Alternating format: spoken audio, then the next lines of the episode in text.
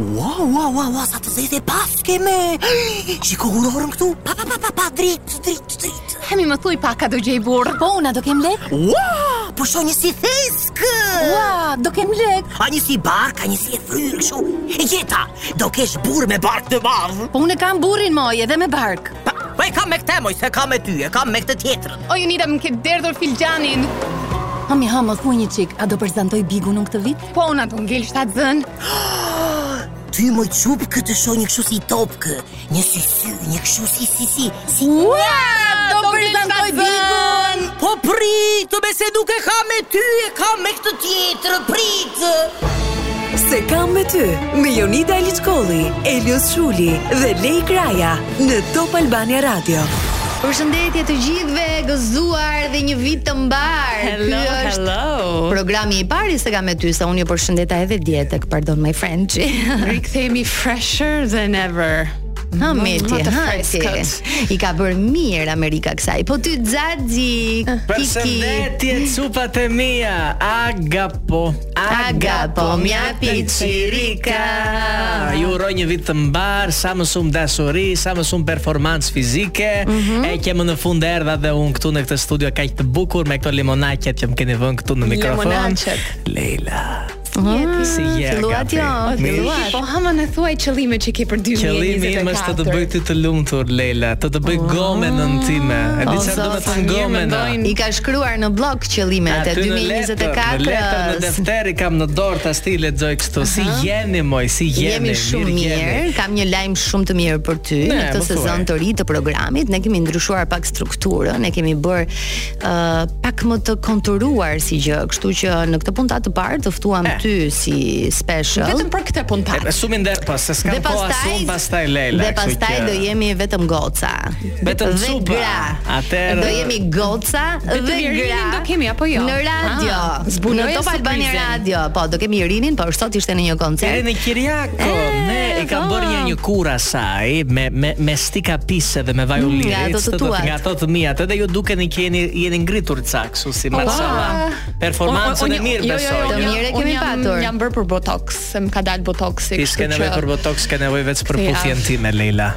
Siç e kuptuat, kështu e nisëm me puthje dhe me dashuri programin për sot.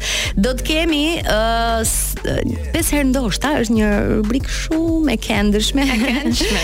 ku pesë video të cilat kanë qarkulluar në rrjetet sociale apo në ekranet televizive do të marrin po jo ose ndoshta nga ne të tre sot, nëse jemi dakord apo jo me atë që diskutohet. Do të ketë po ashtu tre temat e javës më të diskutuara ku ne tre mendjet e ndritura do t'i japim opinionet tona. Dhe në pjesën e dytë të programit do të kemi të ftuar një vajzë e cila ka nisur uh, nga zero, le të themi, dhe ka ngritur një biznes të suksesshëm që i përket produkteve kozmetike organike. E do të më mbakeni si veshka mes dhjamit sot. Po, eh, sot je vetëm me goca. Bukur, ne, po sigurisht, unë më pëlqen haremi, e kam shumë qef haremi. Hajde, hajde. Okej, siç e kuptuat, më thoni një çik Si po ndiheni në këtë sezon të ri? Të tash më e freskët, shumë më e freskët. Unë për vete po ndihem si ai kastraveci turshi, ah. pak i i mbledhur, po me shumë shije. Ah, okay, si quhet anglisht, si quhet kastravec? Pickle, pickle i thon, pickle. Cucumber.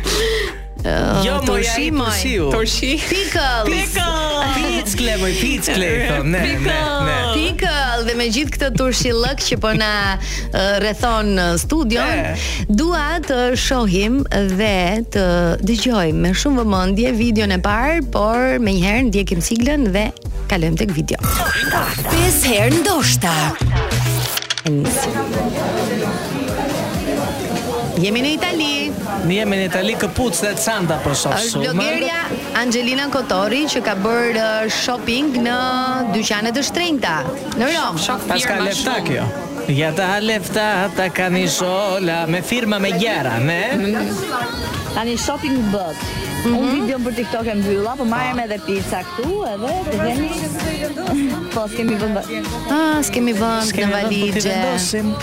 Ciao, ciao.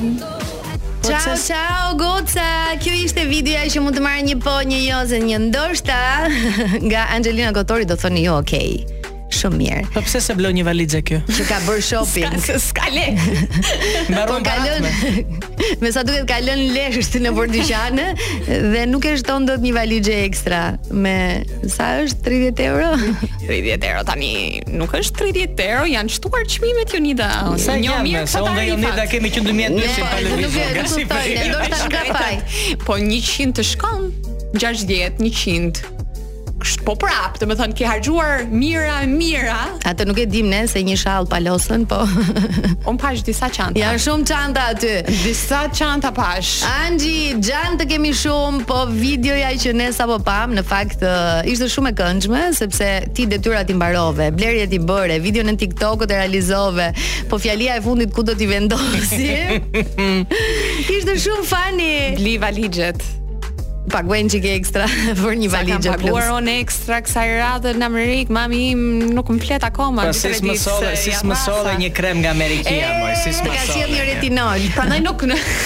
Prandaj nuk postoja se e dija që do fillonte lista e pyetjeve çfarë do të. Sill më një krem nga Amerika, moj moj Lejla. Ta ndjekim uh, videon e radhës? Ta ndjekim kush është këtë super bukur kështu.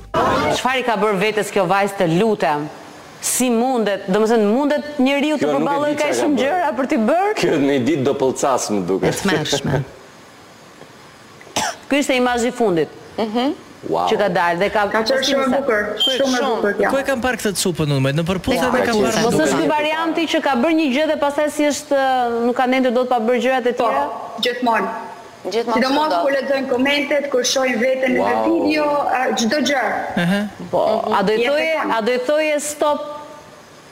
Në fakt do të thoja do t'u jap mundësi këtyre të treve sepse ë uh, është emisioni i mëngjesit mm -hmm. uh, në MCN dhe me gjithë respektin që kam për të tre se i njoh, ë uh, nuk mundem dot ta konceptoj se si një program televiziv apo tre prezantues komentojnë në një mënyrë të tillë dikë që ka bërë ndërhyrje në fytyrën e saj personale të trupit të vet me të cilën mund të bëjë çfarë t'i dojë qefi.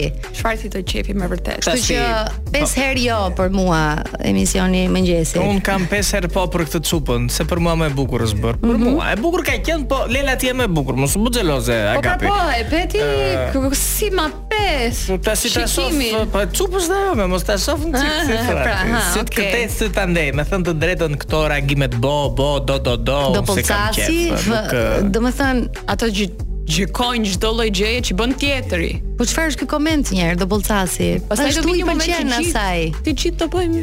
Po ashtu i pëlqen asaj të bëj ç'të doj me fytyrën e vet. Aurela Gaçe ka pas një batut shumë të fortë. Po, po na ran do t'i ngrem. Dhe ka shumë të drejtë. Ë, uh, për mua jo, juve jo, çfarë mendimi keni? Jo, them jo. As ndoshta nuk e fus dot këtu. Se, se te Angelina ndoshta edhe. Edhe e justifikojmë. Se të vjen inat, mi, të paguash valixhe ekstra. Kemi një tjetër video.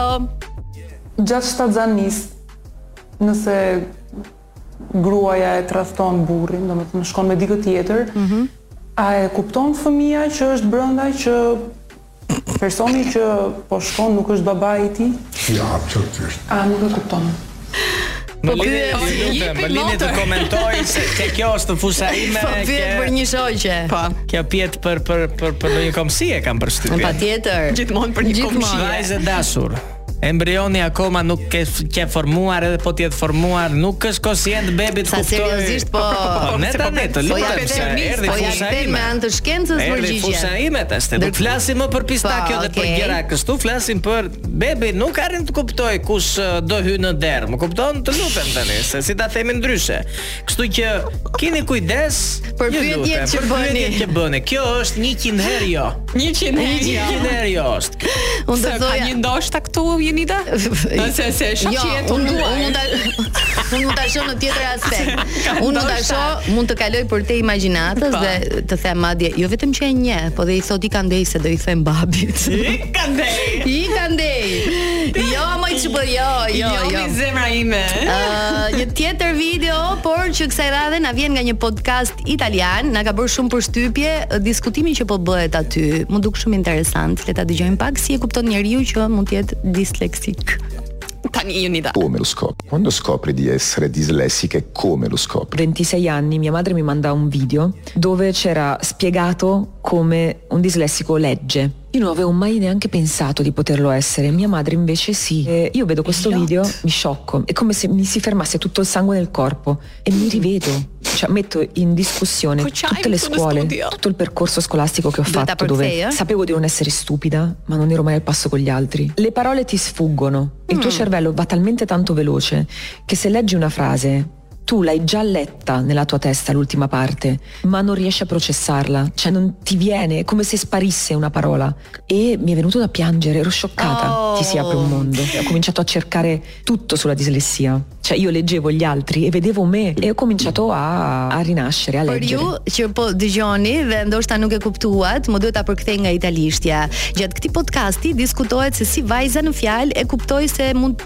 të jetë ose është disleksike.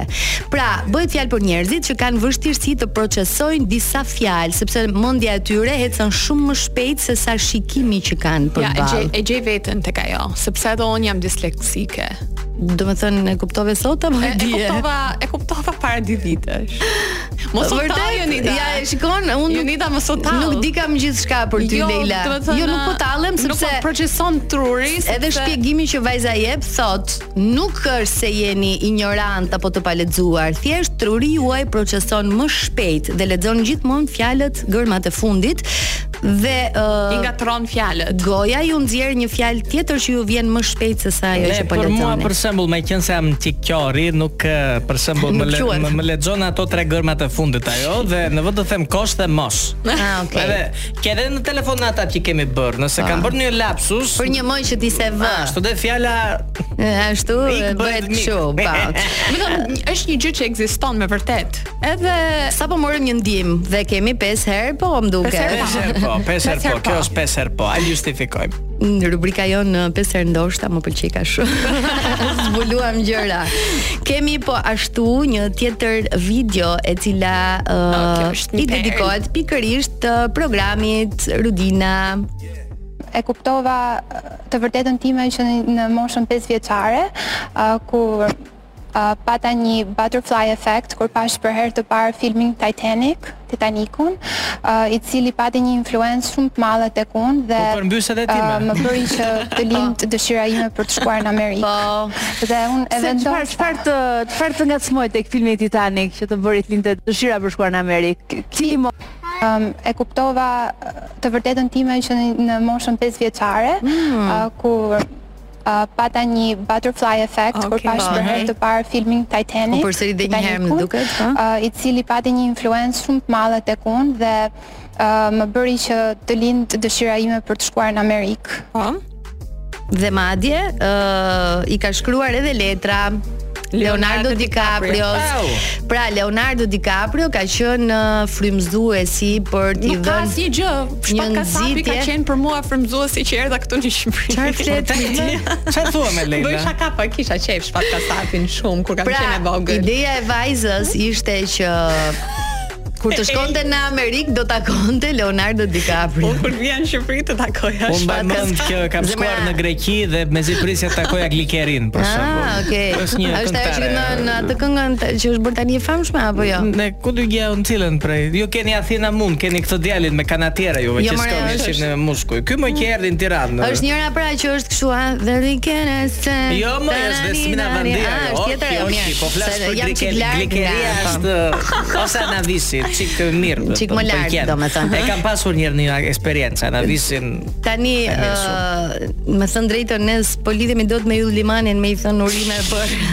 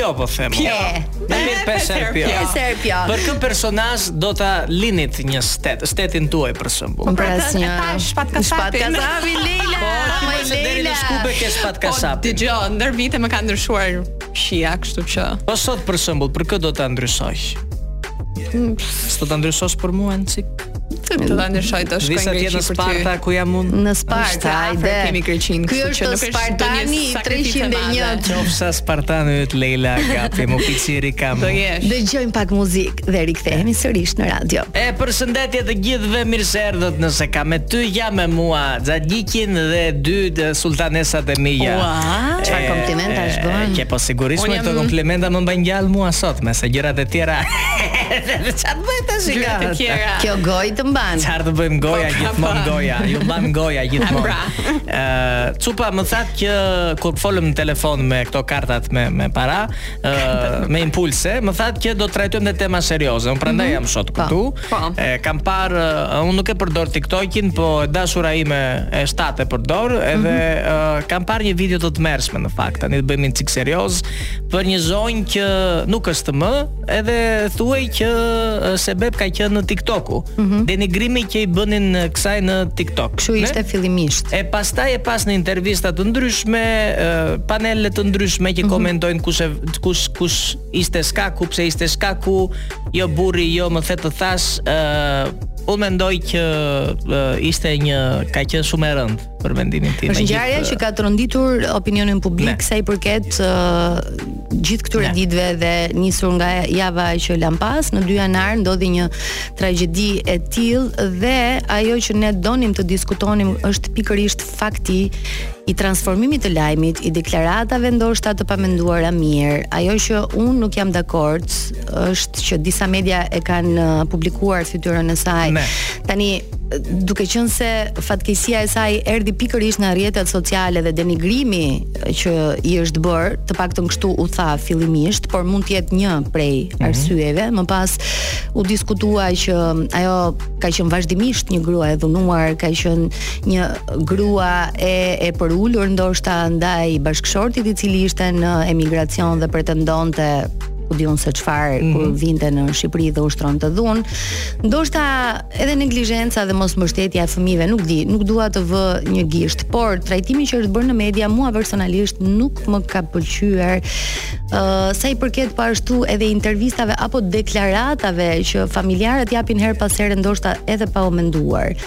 Pra, unë jam më tepër pro faktit që duhet t'i lihet shtetit dhe drejtësisë të ndjekë një procedurë ligjore dhe deklaratat të vijnë pikërisht nga burime zyrtare përpara se të aludohet. A mendon që duhet të ishte një çik më, uh, nuk do thoja private, po të ishte një çik më e censuruar e gjithë. Patjetër. Gjithë kjo vazhda. Sidomos pjesa e publikimit të imazheve. Personalisht çfarë mua nuk më nuk më pëlqeu të paktën në opinionin tim ishte që uh, këto panelet mendoj që e kanë tepruar një çik me me jo pse-ja e pse-sepseve le të kemi më mirë një një version zyrtar dhe mm -hmm. mandej neve se mendoj që edhe edhe për hir të gjësë duhet të krijojmë një qetësi një situatë prehjeje për të respektuar mbi të gjitha uh, personin që s'është më pas edhe një video që ekskluzive del video e dhunimit ku dëgjohej se ç'ishte një që prap mm -hmm. nuk më duket etike apo po, vjehrra më duket se kishte reaguar. Në fakt ishte censuruar. Reagimi i vjehrrës pastaj më duk super absurd. edhe nuk kam çfarë shtoj, domethënë në momentin që ti thua nusja ime flinte mbi paratë e djalit tim. Domethënë, m'u duk tejet absurd dhe këto deklarata duke mos respektuar as një person që nuk është më, më duken shumë të pahijshme, edhe ndaj them që do të preferoja të ndiqja dhe të dëgjoja lajmet që vijnë nga burime zyrtare. Mm. Dhe nga media që i trajtojnë siç duhet. Ne. Jo thjesht pa fjalë, jam akoma pa fjalë edhe mendoj që një person që është uh, rënduar nga ana psikologjike gjithmonë uh, të jemi koshientë dhe ta ndihmojmë. Aq aq sa mundemi ta ndihmojmë. Po realisht ju bëj një pyetje, ë uh, a do a jeni pro për shembull censurimit të këtyre platformave digjitale këtu? Unë TikTok-ut po. uh, censurimit në nuk po them bllokimit, nuk po them bllokimit të plotë. A censurimit të publikimit të gjërave, patjetër që po. Publikimi duhet të ketë një farë policie në këto ë uh, uh, Ajo që unë po them, ajo që po, unë po them tani se më pas rezultoi aludime janë edhe këto në mediat, sidomos mediat online, të cilat kanë publikuar po ashtu dhe foton e pacensuruar se ata që janë seriozë, sigurisht që nuk e kanë vendosur të qartë imazhin e gruas që humbi jetën uh, ajo që unë do të këmbgulja në këto raste është pikërisht gjurmimi i profileve fallco të cilat marrin të drejtën për të lënduar apo për të shqudnuar një person, qoftë ky i familjes apo edhe dikush tjetër që nuk e njohin, qoftë edhe person publik.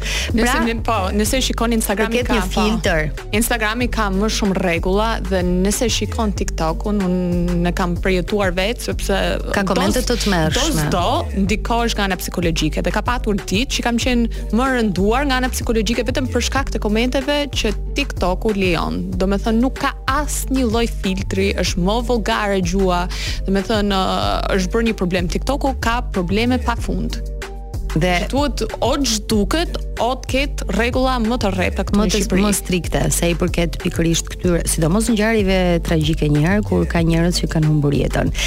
Kjo ishte një ndër tematikat që ka prekur mbarë opinionin publik sa i përket kësaj jave, po ashtu një tjetër temë ë uh, do të kalojmë pak më shumë në pozitivitet tani. Tjetër, po. Një temë që po ashtu është diskutuar shumë prej një janarit, më në fund ë uh, qytetarët, shtetasit e Kosovës do të jenë të lirë të lëvizin në Europë në 27 vende dhe ky ishte lajmi ndoshta më i bukur që ne mund të dëgjonim uh, i vonuar, domethënë, shumë i vonuar. Në datën një janar. Është dashur me kohë Kosova të, të kishte këtë privilegj, sepse ata kanë qenë gjithmonë më të dalë. Shqiptarët e Kosovës mm -hmm, gjithmonë po. kanë qenë më të hapur ndaj ndaj kulturave kanë udhëtuar shumë shumë më shpesh se sa shqiptarët e Shqipërisë, kështu që nuk e di, m'u bë shumë qejfi. Një gjë që vonoi, po nuk mungoi.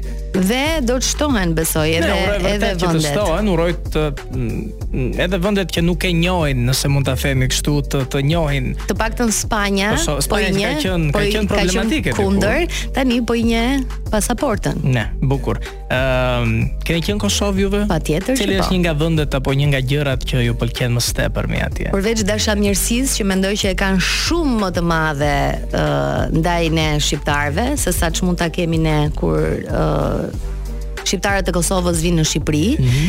uh, më pëlqen shumë gatimi. Kanë disa gatime specifike që unë mbaroj kur shkoj në Kosovë. Hajvari është my favorite ever and ever. do me thënë salcë speci të për gjithë që nuk e dini Për të gjithë që nuk e dini Kurse mua më pëlqen stili i tyre, më pëlqen guximi që kanë, gjithmonë synojnë me qenë më ndryshe nga të tjerët. Nëse vën uh, e vëre këtu, uh, secili do të jetë brenda standardit, edhe në televizion mm -hmm. përpiqen të jenë si të tjerët, kurse ata krijojnë një identitet të tyre, krijojnë një personalitet. Uh, do me thënë kjo më pëlqen uh, autenticiteti. Mhm. Mm Ti xhaxhi ki? Un për vete do të jetoja me qef në Kosovë. Kam thënë madje edhe kur po vija këtu për në Top Albania, mm -hmm. më ndaluan disa njerëz ta bësh një foto të lutem, e bëra dhe më njoftën, më thanë ti je xhaxhi ki të dëgjoj. Që Top Albania. Ne, ne, ne, ne ishim nga Prizreni. Okej. Okay. E un kam shumë vite pa qenë në, në duke qenë se jetoj në një Shtet tjetër, po që më pëlqen muzika kosovare shumë, kjo Dafina Zeqiri më pëlqen, oh, mirë shumë. ka dhe artistë shumë të mirë, a? Shumë e mirë është, kjo më pëlqen, shumë më pëlqen, shumë, shumë Dafina më pëlqen, shumë. Me vërtetë. Shumë më pëlqen. po Lela ti më pëlqen më shumë. Ah, të të kisha një çik, kaq zë të kisha për të kënduar, do të merrja buzukin të bëje, të bëje namin, të bëje namin. Megjithëse e nise një ëndërr në Portokalli për t'u bërë këngëtare. Po, e kisha zërin shumë mirë, apo nuk më ikte ndonjëherë zëri fare. E kisha super, super për këngëtare. Gjithmonë kam dashur të jem këngëtare, thjesht mungon talenti, një gjë e vogël. Një gjë shumë e po, vogël, e pa se sot ka auto rëndësishme. Po, ka autotune për të gjithë sot. Pse ti mendon që gjysma e këngëtareve tona sot janë këngëtare? Po. Mungon të të të kesh dëshirën. Të kesh dëshirën, ëh? Mungon të kesh dëshirën. Po mjafton të kesh ca gjëra të tjera, ca gjëra ekstra. Dhe me gjërat ekstra ne do të shkëputemi për pak dhe do të rikthehemi sërish në S'e kam me ty. Rikthehemi në S'e kam me ty në në lëmshin tonë të bukur. Ja ti lëmshi më. Lëmshi dashurisë. E bën një çik lëmsh. Lela situatën. Gjithmonë, të, të provokon. Jo, ne nga ana tonë themi na katranos. Ja shikoj si ta ka zbritur shpatullën. Ma zbriti, ma zbriti shpatullën me, me, me, me stil, gjithmonë me stil, gjithmonë me stil. Për maskulin shpatulla e gruas është si ajo karroca për atë që ka nevojë për të tërhequr. Jam karrocë me pak fjalë. me pak fjalë. Oki moj oki. Me pak fjalë, me pak fjalë. Do thoja që je një mjet shtytës. Ja, okay, akoma më bukur. Shpatulla jote më shtyn që të frymëzohem më rinon 10 10 më rinon. Që të eci përpara në jetë. Të eci përpara në jetë. Lela ke menduar ti ndonjë politikan? Politikan, patjetër. Të merresh me politikë. Kur e ke menduar? Gjithmonë me lindin ide të reja se ti je këngëtare tani synimi është të bëhesh politikane. Kur shkon tualet për shembull, çfarë çfarë të vjen? Çfarë më vjen? Vetëm një gjë më vjen kur shkoj në tualet ose po. një gjë tjetër, po. ose njëshi ose dyshi. Kështu që Jo, e kishim fjalën që po plotësoj un gjithë po. situatën, një nga videot që ka qarkulluar dhe lajmi që bëri buj, po ashtu na vjen pikërisht nga Italia dhe nga Giorgia Meloni, e cila Teksa duhet të mbante një fjalim shumë të rëndësishëm në një moment ndalet dhe thot Natyra po më thërret Më falni, por duhet të shkoj në tualet Ua, në fakt në fakt tualet uh, i bie në shqip sepse ajo tha devo andare in bagno. Do të thotë, ma bëni hallall po do iki në banjë. Në shqip duhet ishte tani e bëri për shok. Po në në në Më vjen keq, por duhet ta mundem, ka kërkuar leje. Ëh, uh, i është drejtuar pjesëmarrësve në këtë konferencë kaq të rëndësishme dhe në një regjistrim pastaj off record ka dalë një tjetër audio dhe uh, thoshte nuk po ia dal dot më jam duke vdekur dhe duhet të iki patjetër në banjë. Mrekulli. Pra, një lidere, një drejtuese, një politikane kaq e lirshme në Itali me sa di unë që nga koha e Silvio Berlusconi. Tani nuk është e shëndetshme ta mbash brenda. Ua, Leila. Dhe kjo Leila që ke bërë profesores më.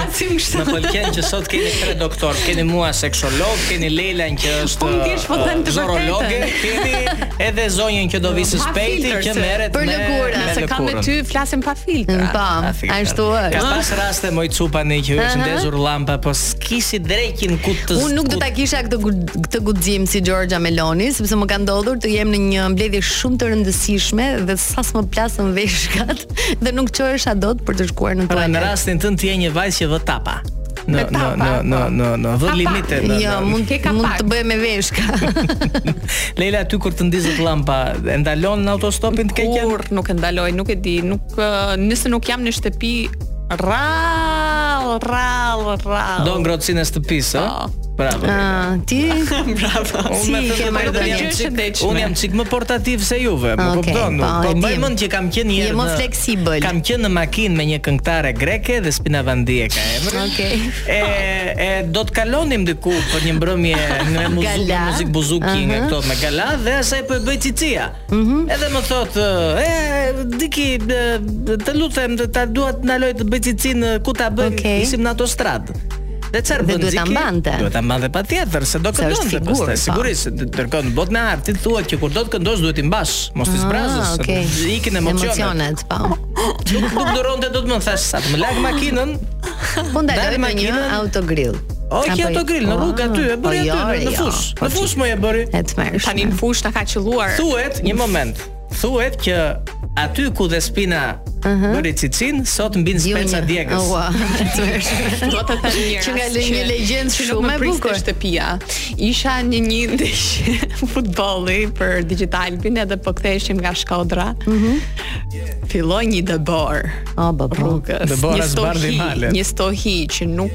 kë nuk po ecte rruga 7 orë me shku nga Shkodra në Tiranë. Dhe nuk shkreta nuk e mbaja dot më dhe ndala rrugës mm. anash në të borë.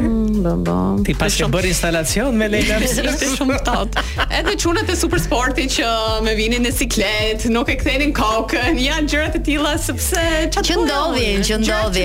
Megjithatë të kthehemi, të kthehemi pak edhe tek uh, Giorgia Meloni. A do a ju pëlqen një një drejtuese që është kaq e hapur apo mendoni që ishte pak PR edhe xhiro e dinte që do të bëj kaq virale dhe kaq lajm. Ta sikur të vjen e keqja hapi derën i thon. Apo thua ajo është shoqe, apo është shoqe me liderin ton edhe që ku kanë marrë nga një çik, nga njëri tjetri. Lideri mati nuk na ka bër. Uh, Kohë të fundit të gjën. Jo, këtë gjë nuk e bën, po është shumë karizmatik në publik, ka bën batuta. Madje bën gjeste, për shembull si baleri. Thotë batuta për për Rusin, për pa fund batuta si ti vin. Domethënë, a ju pëlqen një lider që është kaq popullor apo do donit një që është pak më serioz dhe të mos jetë kaq piarist në thonjza. Jo, mua më pëlqen PR që bën. Mm -hmm. Më pëlqen që kemi një lider të tillë dhe neve. Një mm -hmm. them që jemi me fat. Bën podcast, like come on, është shumë trendy. Na ka marr audiencë. Pra si të duket lideri karagjoz, lideri juaj. Jo. Ja. Okej. Okay. Jo. Ja. Okej. Okay. E, e Më duket shumë avangard. Tash i heqim këto gjërat tani kur të vjen ajo të vjen skreta thash dhe spina doli mbi Ubaca me spec tash si të lutem. Mm -hmm. Dhe spina e ka kopsitur situatën dhe specin gjithashtu. E u mendoj që njerëz jemi në fund të fundit. Tani tash kush ka nevojë, ju bën mirë edhe për Organet, për gjërat. Ju bën mirë dhe në komunikim. Ne. Mhm. Je më shumë unë po vdes ti na në atë konferencë. Je më e çiltër që do bëj. Unë po vdes ti që të bëj një cheers tash si ande. Oh, do bëj shumë mirë sepse në fakt jemi në fund të pjesës së parë.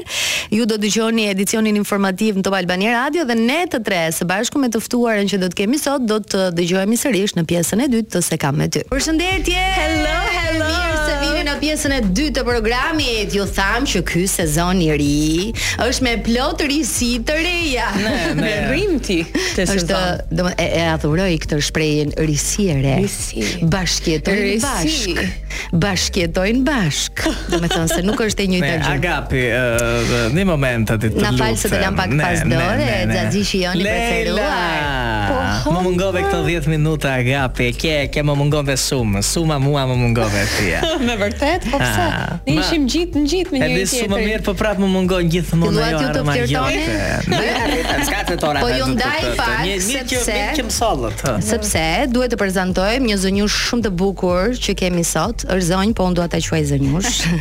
Zonjushë. Sepse përveçse është shumë kinge, zbukuron edhe të tjerët. Mm. Të ndihen mirë, të kenë vetëbesim, mm-hmm. të kenë një lëkurë të pastër dhe sigurisht që ju e dini nga këto ndryshimet që kemi bërë në program që do të kemi gjithmonë të ftuar një personazh që ia del që ka nisur nga zero, që e ka nisur rastësisht uh, një projekt apo një iniciativë apo qoftë edhe një biznes apo ka uh, marrë një eksperiencë shumë ndryshe nga ajo që kishte menduar. Kështu që personi i parë me të cilin ne po e nisim këtë sezon të ri është Besmira Shpendi, e specializuar në krijimin e produkteve kozmetike organike. Ja me drejt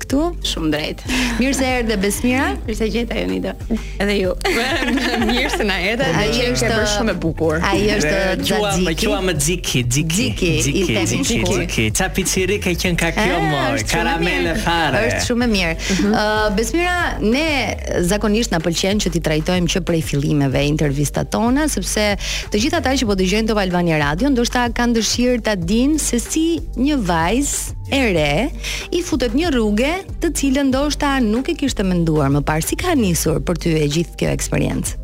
Atëherë, ë uh, unë nuk është se ka qenë dëshira ime më e madhe të bëhem farmaciste, ë uh, thjesht jam rritur në familje me idenë që unë do bëhem doktoresha e shtëpisë. Okej. Okay. Një start shumë i mirë. Ëndrra ime Kur kam qenë e vogël ka qenë të bëhem gjykatëse që s'ka lidhje fare me atë çfarë bëj sot, por um, kam mbaruar universitetin për farmaci. Mm -hmm. Dhe gjatë punës time në banak vija re shumë uh, problematika, apo njerëz me probleme të ndryshme dhe pa zgjidhje. Dhe um, aty nisi pastaj çdo gjë uh, që um, Unë mendova që të krijoj diçka ndryshe, duke filluar duke përdorur fillimisht tek vetja disa produkte organike që filluan madje mbaj mend që produkti i parë që kemi formuluar në farmaci ka qenë një krem anti-rrudhë me shea butter që kemi mhm. përdorur për vete. dhe më pas me kryesisht tek problematikat. Pra, unë vërtet jam specializuar për ë në Angli për produktet organike, përgatitjen e mm -hmm. produkteve organike, por pa u shkëputur nga profesioni i farmacistit, që është kryesisht trajtimi i gjendjeve të ndryshme të lëkurës. Mm -hmm. Pra, duke u marrë më tepër me trajtimet se sa me pjesën kozmetike. Mhm. Mm Besmira, si ke qenë ti si nxënëse? E, e mirë apo i spiunoje shokët kur linin mësimin? Bashkoheshe me ta? Kur linin mësimin, domethënë si ke qenë? Unë kam qenë gjithmonë me grupin, nxënëse e mirë,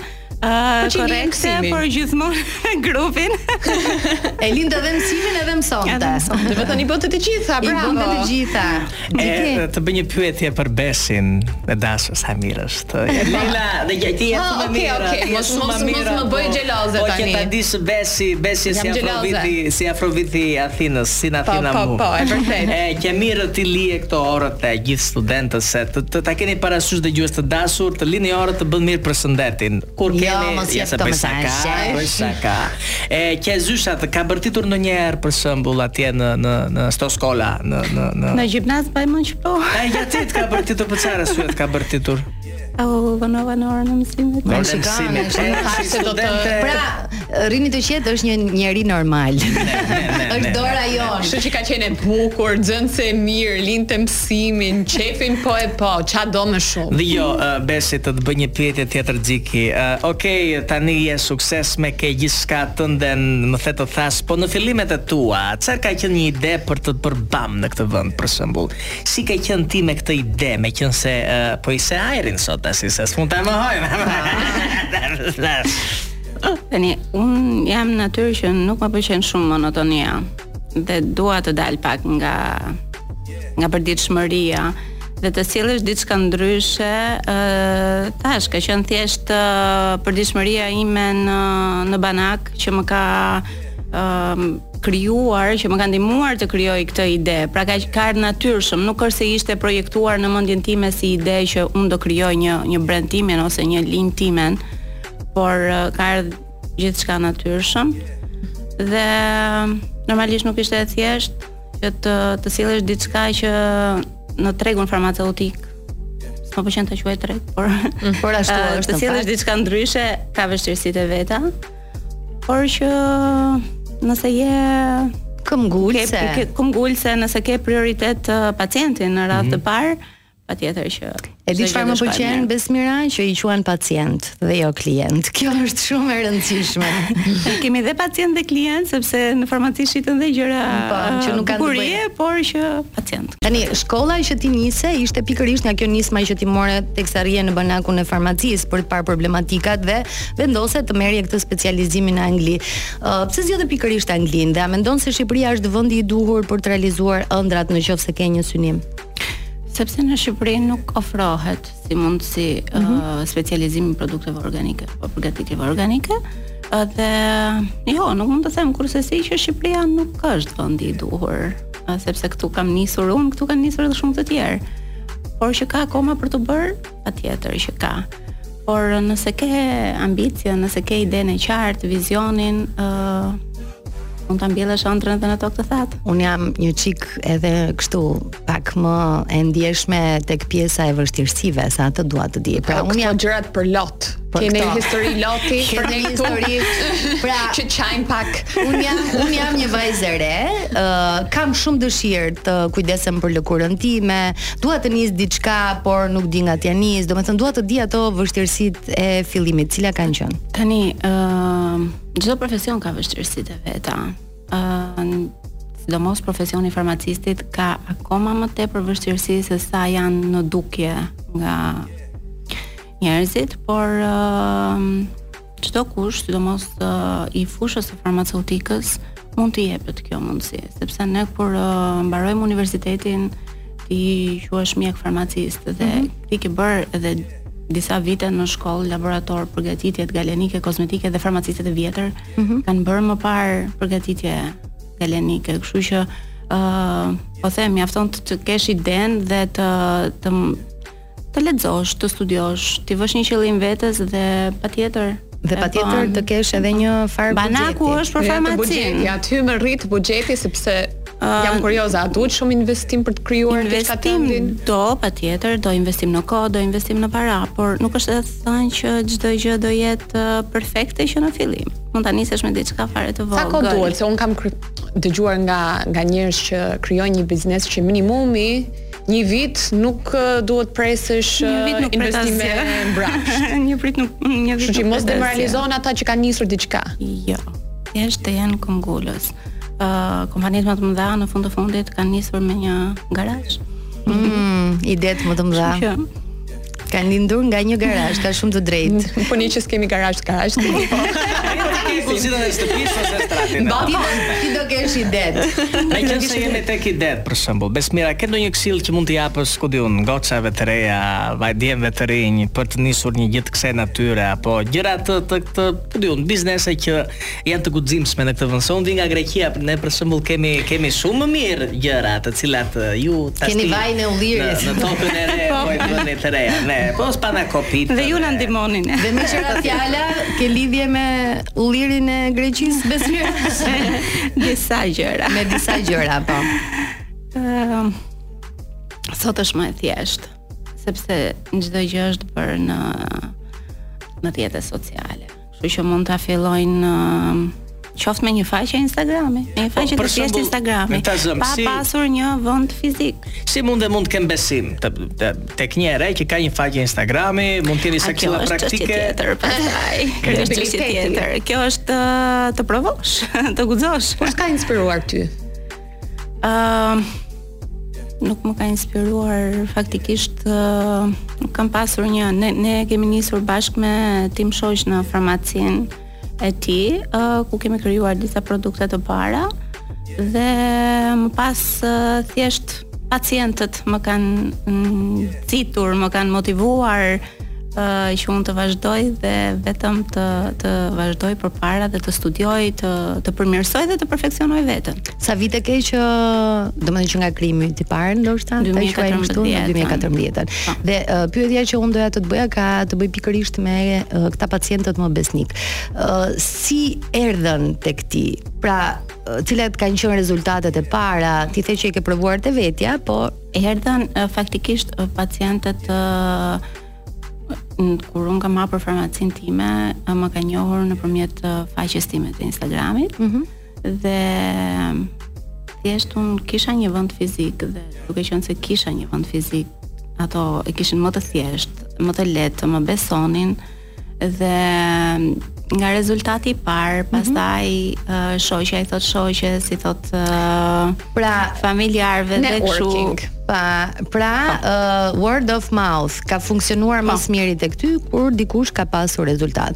Ajo që unë doja të të pyesja ka të bëjë pikërisht me vajzat shqiptare, po jo vetëm vajzat. Domethënë po., ti the që më pëlqen të merrem me problematikat, pra për t'i dhënë zgjidhje uh, lëkurës. Cilat janë më të shpeshtat që ti has? Sepse, ok, aknet e dim.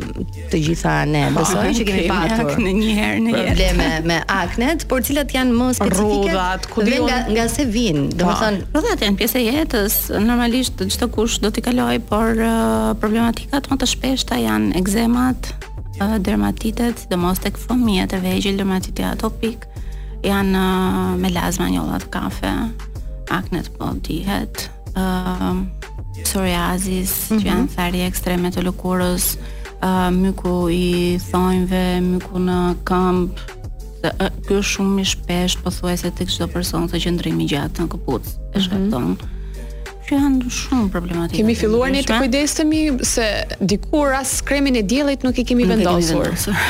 Ky është gabimi më i madh. Domethënë, kemi filluar të përmirësohemi si, si popull? Ka shumë informacion sot. Ka shumë informacion. Ndoshta ndonjëherë, aq shumë informacion sa është edhe i gabuar, por uh, kanë, janë ndërgjegjësuar, janë ndërgjegjësuar, sidomos për kremin e diellit, uh, qoftë edhe për një krem hidratues ta përdorin çdo ditë, e kërkojnë çdo ditë. Teksa flasim uh, Besmira për problematika, uh, kujtojmë gjithashtu që nuk janë vetëm vajzat ato që duan të kenë një lëkurë të bukur, të pastër, të mirë dhe të shëndetshme, por janë dhe djemtë. Ë uh, ne në ekranin LED kemi një djalë i cili me sa duket është trajtuar sa i përket uh, djegjes, pra ka zgjidhje edhe për këtë. Patjetër. Cilat janë produktet që ti përdor më shpesh?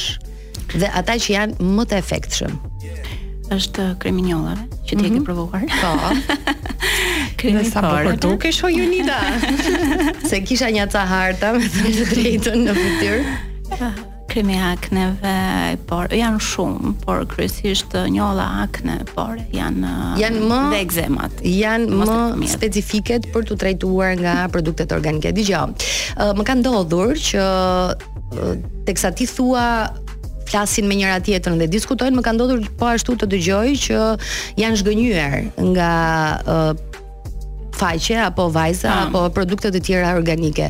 Ti po thua që ke pacientë besnikë që prej 2014-s. Çfarë të bën ty që të jesh kaq e besueshme dhe çfarë do t'i thoje dikujt që është skeptik për t'u drejtuar tek ty dhe për të marrë uh, trajtimin që i nevojitet për lëkurën. Atëherë, uh, nuk është se unë kam diçka specifike që më bën të besueshme tek njerëzit, është thjesht uh, ndoshta komunikimi që unë uh, jap, jam shumë uh, e afërt me pacientin, e mbaj në kontakt, më mban në kontakt, domethënë është gjëja e parë që unë kërkoj që pacienti të më mbajë në kontakt për mbarëvajtjen e trajtimit. sepse diçka mund mos shkojë mirë, është është mm -hmm. më se normale, e rregullojmë. mund të ketë nevojë për diçka tjetër shtesë. Kjo është ajo që të mban edhe të lidhur me pacientin, mban dhe pacientin besnik ndaj teje. Të ka ndodhur të të vijnë që të kenë qenë skeptikë dhe pastaj Patjetër, më kanë ardhur, më kanë thënë që unë po e marr, por nuk kam besim që do më bëjë diçka sepse kam përdorur shumë gjëra. Mm -hmm. Por uh, ndikon edhe efekti placebo, pastaj duhet të mendosh pozitivisht që kjo gjëja do të bëjë efekt dhe realisht do të bëjë efekt. Kështu që kur merrni produkte, mendoni, mendoni që pozitivisht. Unë mendoj që duhet uh, ta marrin seriozisht uh, që t'i përdorin ato në orarin e duhur dhe në mënyrën e duhur. Patjetër përdorimi në mënyrë konstante por ka të bëjë dhe mënyra e jetesës, uh, ushqimi po ashtu. Absolutisht po, sidomos në problematikat e akneve dhe të ekzemave. Ndërkohë që ne do ta ngacmojmë çik Besmirën se. Tashti do bëjmë një çik politikë. Do bësh politikë, po unë dua t'i afroj pak mikrofonin Besmirës. Mhm. Okej. Se live i ka këto, ëndërr kam pasur gjithmonë ta them këtë gjë, edhe pse jam seksolog në profesion, ne. E Besmira ndërkohë Lela pse qesh ti? Agapi. Thjesht më tërheq shumë agapi. E Besmira po bëj ai se me Lelën gjithmonë çoç kruhemi ndonjëherë. Okej. Flasim për suksese, për gjithçka. Ke pasur ndonjë moment të vështirë në jetën, në në në rrugëtimin në jetën tënde që mund të jesh rrëzuar në këtë profesion, apo mund të ndash një moment të vështirë për të gjithë dëgjuesit edhe për të frymëzuar të të, tek e kanë fund të fundit. Asgjë, çdo gjë ka vështirësitë e veta, ka dhe gabime dhe rrëzim nuk mund të them, por vështirësi po. Kur ka qenë një moment i vështirë për shembull? Ëm këtë nuk nuk nuk është se mbaj mend diçka konkrete faktikisht, por uh, nuk është unë duke qenë se marr fatmirësisht marr komente dhe mesazhe shumë pozitive nga pacientët e mi dhe ndoshta ndonjë koment negativ që mund të marr nuk ka qenë asnjëherë nga pacientë që kanë provuar produktin mm. tim. Dhe nuk jap energji fare ë uh, një gjëje që nuk ndikon pozitivisht tek unë. Kështu që me këtë mendje kam ecur dhe dhe ke bërë shumë mirë. Tani unë kam një pyetje, sepse është e bukur, e mirë, një bashkëshorte, një Një nënë dhe dy fëmijë. Po. Si ja del, si ja del. A, vetëm këtu s'të kthej dot përgjigje. Po si ja del ti je e suksesshme. Këtë nuk të kthej dot përgjigje. Na jep një. Ka vështirësitë e veta. Duhet balancuar, por kam pasur edhe ndihmë patjetër. Nga prindërit, nga mamaja e tim shoqi, kam pasur ndihmë me fëmijët. dhe i ka shumë të mirë dhe i ka shumë të sjellshëm fëmijët dhe kam përshtypjen që ndikon edhe në këtë energjinë që ti ke. Pra nuk e ke atë ngarkesën dhe trysninë që për për të për të qenë mirë, për të jo. bërë pjesën tënde të punës. Ja. Jo. Megjithatë, ë um, unë do doja të dija në fakt se çfarë duhet të dijë uh, një person Besmira kur duhet të nisë një trajtim. Pra, Cilat janë rregullat bazë që duhet të dijë përpara se të vijë dhe të kërkojë zgjidhje për një problematikë të caktuar? Në momentin që vjen, ë jam unë ajo që e kuptoj se çfarë ka apo tipologjinë e lëkurës. Në momentin që më shkruan, duhet të më shpjegojë qartë se çfarë është ajo që e shqetëson, ë tipologjinë e lëkurës, produktet që përdor. Që duhen, po. Dhe produktet që përdor, sepse normalisht nuk mund ta ngarkojmë me shumë pa, po, po. produkte. Kështu që sa më thjesht. Të ka ndodhur ndonjëherë të ndoshta të kesh dhënë trajtimin e gabuar dhe të ketë pasur një efekt jo të mirë, jo të mirë ose reaksion apo nuk reaksion produktet organike nuk para japin mm -hmm. vetëm në rastet kur personi vetë është alergjik nga, nga ndonjë po, përbërës nga dhe nuk e di nga se është. Për shembull unë dhe unë i shkruaj përbërësit. Dhe unë i, i thashë Besmirës që unë jam alergjike nga kamomili, kështu që jam edhe Larsin po, ta pa kamomil. Kështu që nëse do kesh produkte me kamomil, të lutem mos po. m'i rekomando. Nuk e dija këtë. Ja, mësova diçka të re për ty. Nuk më njeh sa mendon po. Leila. Shumë keq që Linda po ti nuk e ke idenë çfarë humb me mos përdorimin e kamomilit në atë aspektin e shkollës time, po ta ah, them atë. Ti ti je në tjetër drejtim, je në tjetër drejtim. Ah, po thoje që komentet që merr më shpesh janë pozitive nga ata që i kanë përdorur. Po të ka ndodhur një ndonjëherë të ti jesh mërzitur apo të jesh, ti jesh ngarkuar me me diçka që nuk të pëlqen në rrjet.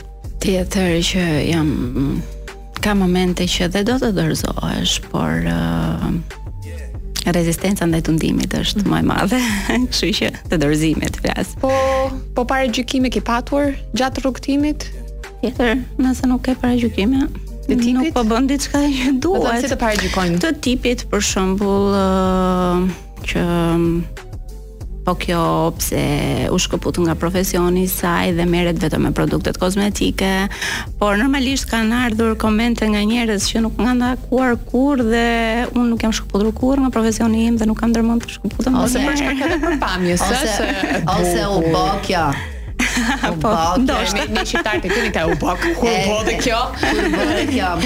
Ë intervista në fakt mua po më pëlqen sepse përveç se ka edhe këtë humorin dhe energjinë shumë të mirë në studio, më pëlqen gjithashtu edhe për faktin që ne po tregojmë një histori e cila mund të ketë nisur nga diçka e paparashikuar dhe sot jemi jo diçka e menduar. Po, ose dhe, mirë. Dhe sot jemi në një periudhë le ta quajmë uh, suksesi për gjithë synimet që ti e ke vënë vetes. Megjithatë, ne dimë të gjithë bashkë që janë disa vajza apo ë uh, le të themi kompani pa. Po. shqiptare të cilat po synojnë tregun ndërkombëtar. Po. Edhe edhe ato ja kanë nisur kështu si ti me pak në fillim dhe po. pastaj janë zgjeruar. Çfarë mendon se ka ndikuar në në gjithë suksesin e gjës apo edhe në tëndin personal dhe a je ti ndër ato vajza që synon tregun ndërkombëtar? Atëherë, unë e synoj por diçka më larg sepse duke qenë se unë merrem me trajtimet e gjendjeve të ndryshme të lëkurës, mm -hmm. nuk mund të të të shkëputem plotësisht. Nuk jam gati të shkëputem nga nga profesioni im, nga nga banaku, nga trajtimet. Online mund të ta bëj favorizimin, ëh? Nuk e dua, e dua farmacinë. Ah, okay. Por produktet organike, produktet kozmetike, po, mund. Mhm. Mm uh, dhe më vjen shumë mirë që gocat uh, që kanë krijuar një brand të tyrin sot njihen edhe në nëpër botë. Më vjen shumë mirë që janë goca shqiptare. Dhe um, mendoj dhe shpresoj që do në një të ardhme, në një të ardhme, por pa u shkëputur si gjithmonë. Do ishte shumë bukur dhe është në fakt shumë bukur që në websajte të famshme ndërkombëtare ti sheh aty produkte dhe të me me vlerësime shumë shumë të mira. Made in Albania. Made in Albania. Organic Made in Albania. Edhe më më vjen shumë mirë teksa e shoh këtë. Ëh, ne në fakt ta urojmë me gjithë zemër që ti ta kesh këtë sukses në qëllimet e tua. Ëh, diçka tjetër që unë doja të dija, po flas tani nga ana ime personale, po edhe e Lejlës, se ne flasim. Gjithë secilit Si t'ia bëjmë ne që të jemi vajza konsistente që nuk harrojmë ta vendosim alarm, t'i përdorim të gjitha produktet. Po jo vetëm vajzat, ë? Po, edhe djemt. Se kemi dhe Xhikin këtu. Kristula po më dëgjove, unë po ta jap intervistën me link, që je për vete jam shumë mirë se përdor këto Kamomil. Kamomil. Ty të pres në farmaci dhe shohim. Për Xhikin pastaj do na thua çfarë problematikash ka, po, që më skanuan, më skanuan çupat, më skanuan. Po, skuq, Xhiki. Po, besi që pas kaluar të ndryshme.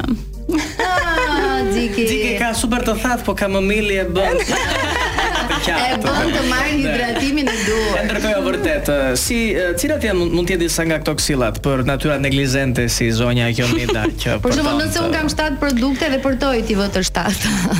Tani Jonida për ngaqë ka sa e njoh unë dhe ka marrë produktet ka qenë shumë konsistente. Ëh. Pastaj varet sa të pëlqen produkti dhe të tërheq vetë. Mm -hmm. Mhm. Mm me alarm.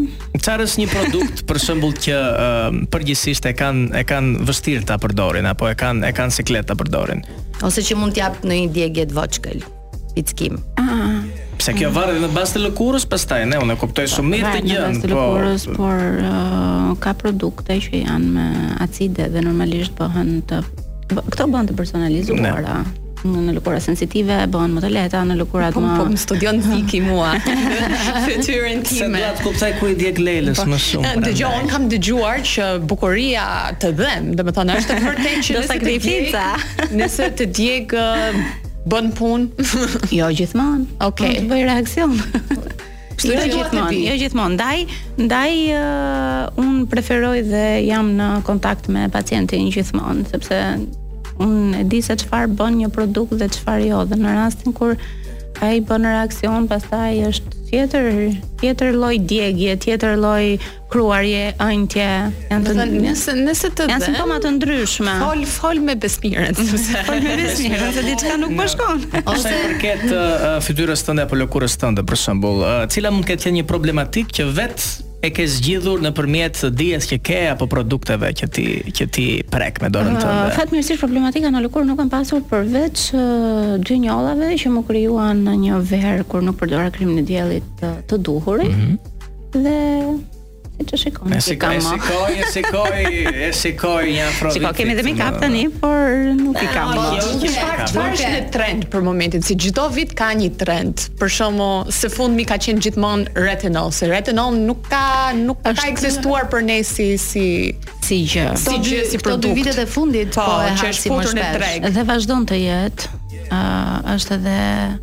Centela është futur. Centela, po. Centela është futur në në treg botëror madje. Çfarë është centela për ata që nuk e nuk e është një ingredient është vajor mm -hmm. uh, rigjenerues dhe është shumë i mirë madje. Nuk është tipi retinol që mund të shkaktojë irritime dhe nuk kanë pse ta përdorin Të gjithë. Centela mund të përdoret edhe nga moshat e reja dhe nga adoleshentët, është rigjeneruese, hidratuese, ka veti shumë të mira. Cila është përqindja fillestare që duhet përdorur retinoli kur ti je le të themi i virgjër nga kjo fushë. Pse do ta fillosh me retinol? Po, meqë jam te këto dyzetat, Sa? Ua, një person që nuk ka përdorur kurrë asgjë në lëkurë nuk Ka absolutisht nuk do të fillojë me retinol. Ka ingredientë shumë të mirë me që mund të fillosh. Është mhm. acidi hialuronik, është centela që përmenda, është niacinamid, është vitamina C. Mhm. Mm uh, është vitamina A, uh, retinoli organik, nëse je tek retinoli, pastaj duke u mësuar lëkura, duke pastaj kalon me moshën mund të kalosh tek retinol me përqindje më të ulët, ah, pastaj kalon në përqindje më të lartë. Unë më të lartë, më të lartë. Direkt unë te më e lartë. Se duan efekt shumë të shpejtë disa, por jo. A kanë ndikuar rrjetet sociale, le të themi në në njohjen akoma dhe më shumë të brandit tënd apo të aftësive të tua? Po, te rrjetet sociale jam njohur më saktë po. si si si organik, si farmacia mhm. organik, a. TikToku, Instagrami, Instagrami më tepër. Bëjmë punën e tyre po, Instagrami në për ne që nuk jam natyra shumë e TikTokut. E TikTokut nuk jemi nuk jemi TikTokista ne. Patjetër jemi për tjetër, por duhet të duhet ta fillojmë. Por kam përshtypjen që produktet e tua mund të kenë uh, një target group që i përshtatet më shumë Instagramit, kam përshtypjen se sa brezi po, i po. i TikTokut. Domethënë tani në TikTok çfarë s'po shohim? Po, po, po, po, po, kryesisht është një brez tjetër që dhe është e ka pushtuar. Është profil pak më serioz po. uh, Instagrami, me sa kemi parë. Po, po.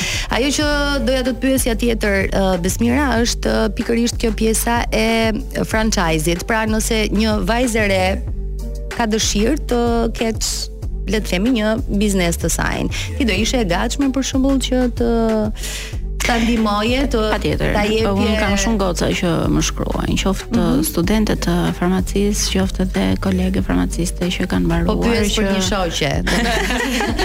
Gjithmonë për një shoqe. Asnjëherë për vete. Ëh, uh, që më shkruajnë që më pëlqen kjo që bën, dua ta bëj dhe unë. Unë jam e hapur të ndihmoj, jam e hapur t'i mirëpres në praktikë, domethënë, aq sa ëh uh, Mundësi kemi, mm -hmm. sepse nuk mund të bëhen shumë veta, por gjithmonë kam qenë hapur. Mhm. Mm më pyesin ku merr këtë, ku merr atë. Iu kthej përgjigje. Po.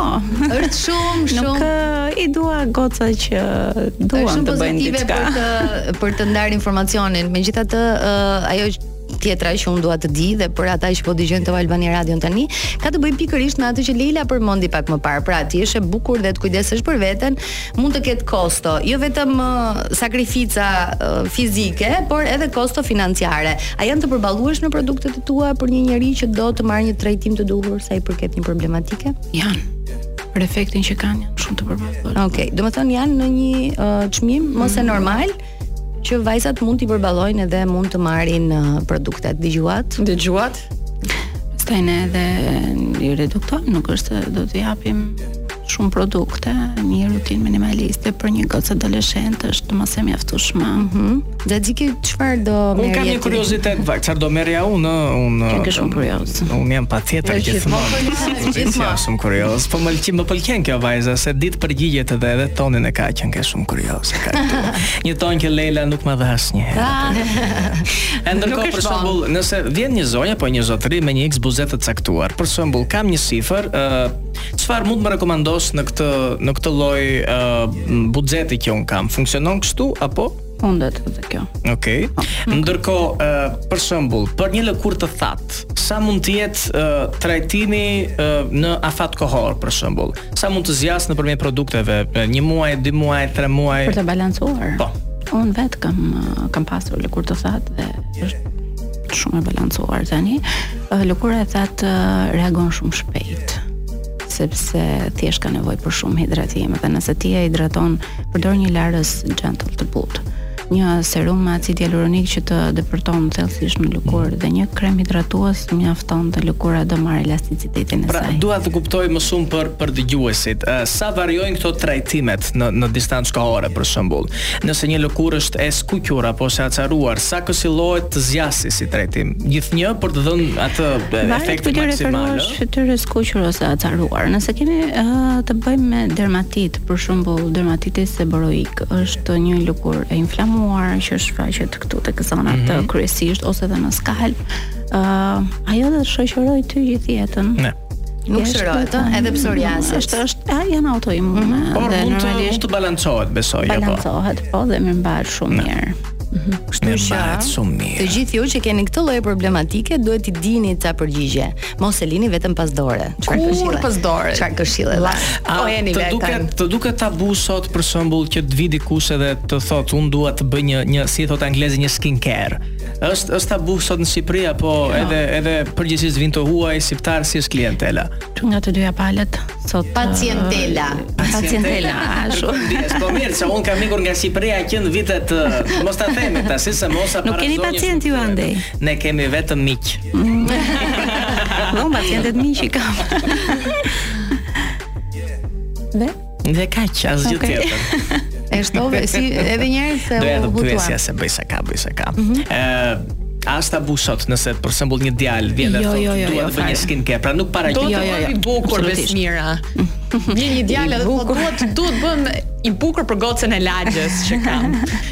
Po të bukur janë, thjesht po. duan të mirëmbahen. Nuk ka, nuk është fare tabu. Janë shtuar meshkujt patjetër. Shumë. E pra, janë shumë të kujdesshëm. Në Greqi, andej nga neve kanë qenë gjithmonë. Duket. Kan qen, kan qen. Historikisht e kemi marrë një çik nga ata, e kemi marrë. Besmira ne të urojmë shumë shumë suksese në gjithë uh, karrierën tënde, edhe synimin tënd, sepse që të merresh me problematika, do të thotë që ti i ke vën vetes një synim për t'ia ah. dalë. Ë, uh, të falenderojmë shumë që ishe në program. Edhe shpresoj shpresoj shumë që të jesh e mbar në këtë nismë që ne uh, kemi marrë përsipër edhe pse jo të promovojmë uh, modele suksesi, modele vajzash të cilat uh, ia dalin, modele që i shërbejnë dhe atyre që po dëgjojnë radion për të kuptuar se ëndrrat fakt edhe realizohen nëse këmbgulni dhe nuk hiqni dorë asnjëherë. Mjafton ta duash atë që bën, po nuk e deshe, Dështimi është i sigurt. shumë faleminderit dhe shumë suksese. Faleminderit, Besmira. Ne në fakt me Zikin tim të dashur. Të dashur. Aga. Dhe me Leilën time të dashur. Kemi mbërritur në fund të S'e kam me ty edhe për këtë javë, kështu që e enjtja tjetër, gjithë vesh dhe sy do të jetë vetëm këtu në Top Albania Radio. Ju duam. Ciao. Filaqe, filaqe, filaqe.